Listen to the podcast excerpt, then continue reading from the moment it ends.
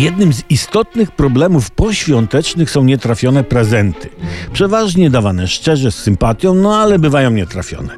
Na przykład zięciu oczekiwał od bogatej teściowej Ferrari, a dostał firanki, prawda? To na F i tamto na F, ale nie to samo, prawda?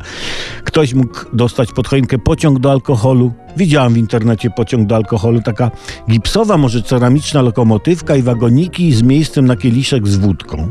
Piękna, brązowa rzecz. No ale nie każdemu może się spodobać. Podobno w sklepach można zwracać nietrafione prezenty, ale dobry bon ton i Savior Wiewióra mówią, że zwracanie prezentów nawet nietrafionych jest niekulturalne. Trudno z tą opinią pol- polemizować, co więcej można się z nią zgodzić. Co jeszcze więcej, na osobach, które zwracają prezenty warto się zemścić. A.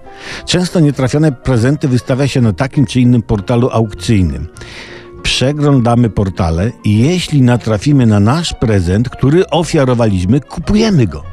I za rok ponownie dajemy go osobie, która chciała się go pozbyć. jeśli za rok obdarowany nie zrozumie aluzji i znów będzie chciał się e, zwrócić ten prezent, zrywamy znajomość. A ponownie odkupiony na aukcji ten sam prezent dajemy komu innemu. W ten sposób testujemy przyjaciół. Inna sprawa jest taka, że warto przemyśleć prezent i dać taki, którego nie można oddać. Taki psychologiczny prezent. Na przykład żona lubi opierniczać męża, prawda? To trzeba jej dać pod choinkę dobry pretekst.